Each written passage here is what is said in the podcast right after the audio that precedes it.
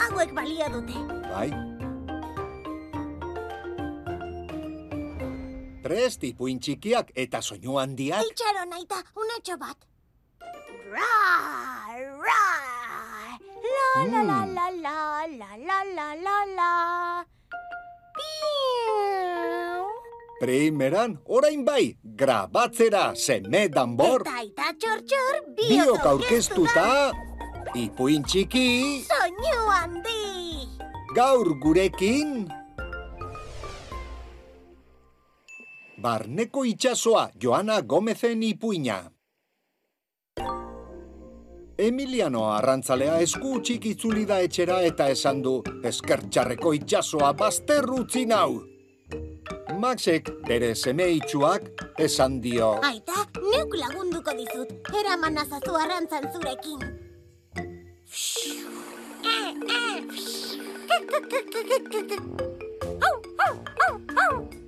Aita Emiliano arrantzalea goizean goiz irten da etxetik arrantzara.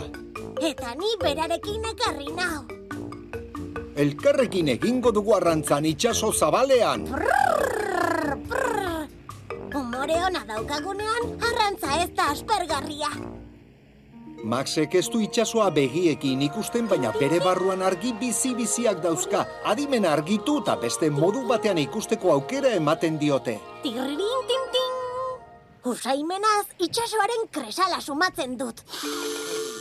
Istriborrerantz! Entzumenaz olatuen saltoei begiratzen diet. Eskuekin sarea zabalduta ikusten dut. Eta arrainak ezkutaketan jolasten. Itxasotik arrainetan oparo sarea bete-beterik atera du Emiliano. Eta pozez oiuka esan du, Seme, badaukagu gaur jateko, oso arrantza ona egin dugu. Oso ona ez,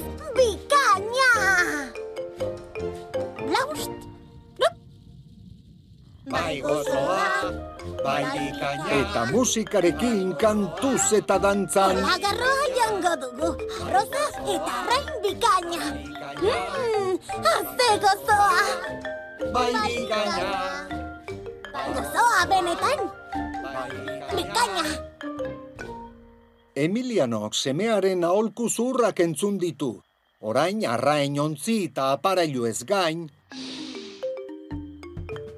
beste mundu batzuk ikusten ditu. Itxaso soila baino askoz gauza gehiago.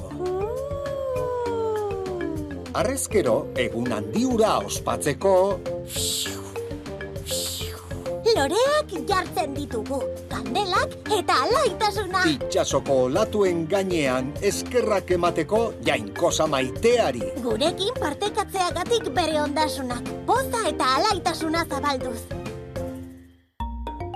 Eta hala izan bazan, Sardadiak alabazan eta irden dadila gure herriko plazan. Tarararara,